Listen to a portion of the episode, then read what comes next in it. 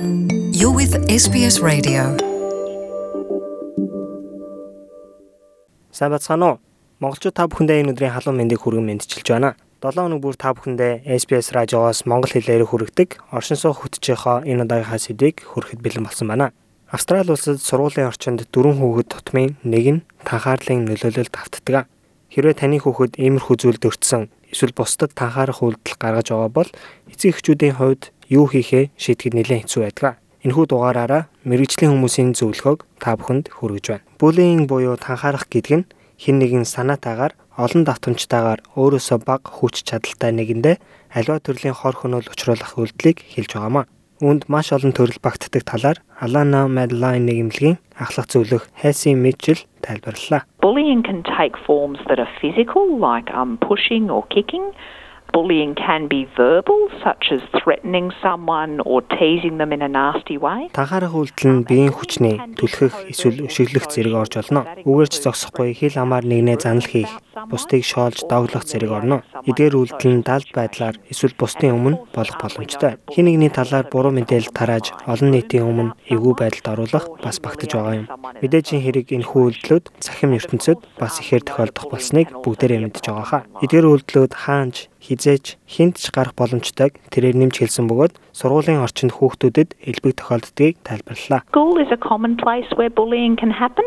Uh, one uh, recent bullying study in Australia found that about um, 80% of students thought that the um, Сургуулийн орчинд эдгээр асуудлууд түгээмэл гардаг. Австрали улсад танхаарлын талаар хийсэн саяхны судалгаагаар сурагчдын 80% нь хүүхдийн тоглоомын хэсэгт бусдыгаа дээрлэгдэг гэж гарсан ч сургуулийн автобус олон нийтийн өмнө эсвэл олон нийтийн сүлжээгээр эдгээр нь элбэг тохиолдож байсан байна. Хүүхдэд туслах үйлчилгээний зөвлөх Белинда Бьюмонт цахим орчны үр дагавар маш их хор хөнөөлтөй байдаг талаар нэмж хэллээ. for a lot of parents when they were growing up, they might have experienced bullying at school um, or social functions, that sort of thing. But when they got home, home would actually be their safe place where they wouldn't have to deal Маш with that. олон эцэг эхчүүдийн хувьд өөрсдөө өсөж том болохдоо иймэрхүү зүйлтэй сургууль дээрээ эсвэл олон нийтийн газар тохиолдож даваад гардаг байсан. Тэд нэр гэртээ ирээд ямар ч аюулгүй нөхцөлд өсөж том болдог. Харин одоогийн залуу үеийнхний хувьд тэд байнга бие биентэйгээ холбоотой цахим орчинд өрүүлж байдаг болохоор иймэрхүү зүйл хизээж зогсдоггүй. Тэд гэртээ ирсэн ч гэсэн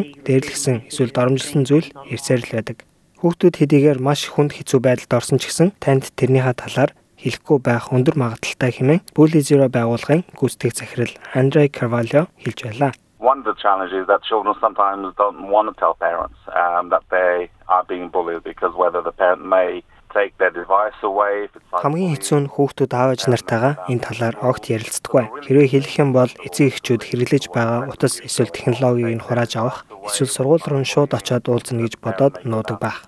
Тийм болохоор хамгийн түрүүнд хийх хамгийн чухал зүйл бол тэдэнд юу тохиолдож байгаа талаар сайн сонсох явдал юм а. Хүүхдийнхаа зан аашийг сайн ажиглаж байх нь маш чухал хэмээн тэрээр нэмж хэллээ.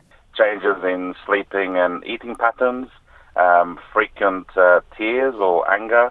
I think one important one is is and common is the not wanting to go to school. Um, Унтаж амрахтаа эсвэл хоол ундаа идэхэд нь өөрчлөлт орж байгаа эсхийг сайн анзаараарай. Ойр ойрхон уйлах эсвэл уурлах байж бас болох юм а. Өглөөдөө биеийн тавгуурах эсвэл сургуультаа явах сонирхолгүй байх нь хамгийн ноцтой шинж тэмдэг байж болох юм. Биен дээр нь хөхрөх эсвэл арьсан нурагдсан байгаагаа нуух нь биеийн хүчний танхаарлын үйлдэлүүд байж болзошгүй шүү. Хэрвээ таны хүүхэд энэхүү туршлагаасаа тантай хуваалцвал тайван хандаж сонсоод энэ тухайгаа хэлж байгаа нь маш сайн үйлдэл гэдгийг тэдэнд ойлгуулаарай. Бүх болсон зүйлийг сонсоод нэг нэгэндээ танхаарах, бие биенээ доромжлох нь хизээч сайн зүйл биш гэдгийг ойлгуулахыг хичээгээрэй. Хүүхдүүдээ энэ тал дээр уурлахгүй, мөн ууртаагаар хариу үйлдэл үзүүлэхгүй байхыг нь дэмжиж ярилцах нь чухал хэмээн Джесси Мичл нэмж хэллээ. There's no magic way to stop bullying, but some children find it helpful to use avoidance or humour or to act bored or unimpressed. Иймэрхүү зүйлийг эд шидийн юм шиг нэг өдөр зогсоох боломжгүй. Гэтэ зарим хүүхдүүд доромжлож дээрлэж байгаа үйлдэлийг үл тоож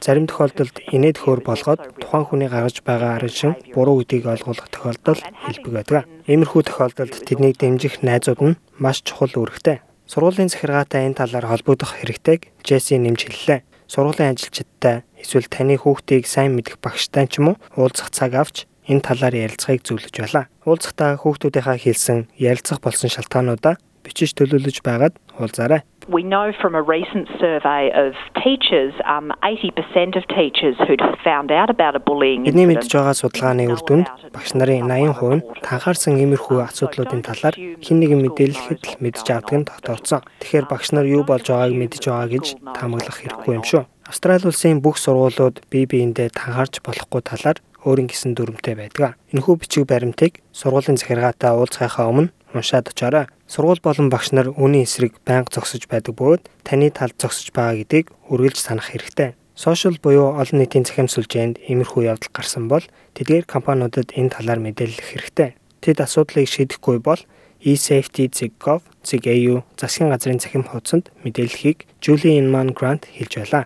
If they report it to the social media site and that serious cyberbullying is not taken down, um, they can come to us and we will act as a safety net and advocate on behalf of that. Хэрэг тэд сошиал медиа сайтад хандаад асуудлаа шийдэж чадаагүй тохиолдолд бидэнд хандаж болно. Бид тэдний аюулгүй байдлыг хангаж тэдний өмнөөс сошиал медиа сайтад шаардлага тавин тухайн аюултай контентыг харилцуулах арга хэмжээ авч ажиллана. Бид энэ тал дээр 1200 гаруй австрал залуучуудад тусалж чадсан ба сошиал медиа сайтын гүйцэтгэл маань 100% та ажиллаж байна. Таны хүүхэд танхаарах асуудлын нөгөө талд нь байж болох юм а. Энэ тохиолдолд ч бас та хүүхэдтэй сайтар ярилцаж юу болж байгаа талаар сайн сонсороо. Тэдэнд энэ асуудлыг огт гаргаж болохгүй талаар ойлгуулж, бусаддаа танхаарах, бусдыг доромжлохоо зогсоохыг нь хэлэх хэрэгтэйг Андре Carvalho хэлж байлаа. You need to let your child know that this is serious and that you're going to help make sure uh, by providing help to, to your child that it doesn't continue. Эцэгчүүдийн хувьд хүүхэдтэй энэхүү асуудлыг маш ноцтой гэдгийг ойлгуулах хэрэгтэй. Мөн үүнийг болиулахад нь туслаж байхаа хэлэх хэрэгтэй. Гэхдээ энэ талаар хүүхэдтэй лекц унших хэрэггүй. Энэ маш чухал. Хамгийн энгийнээр богинохон байдлаар хүүхдэд хэлвэл ойлгоно. Жишээлх юм бол нэг нэгнээ дээрлэх асуудал байж болохгүй зүйл. Хэрвээ тийм юм гаргаж байгаа бол одооноос зогсоо гэх мэт үгийг ашиглах боломжтой.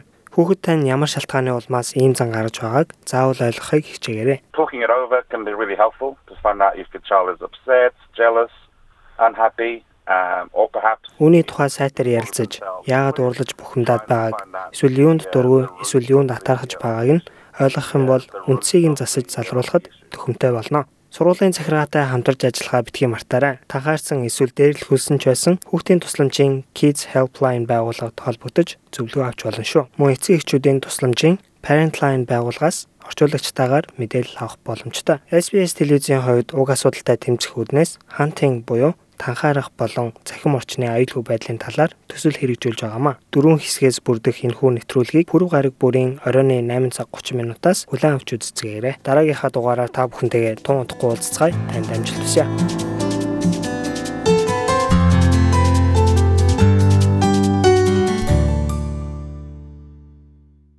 Tell us what you think. Rate this podcast on iTunes. It helps other people to find us.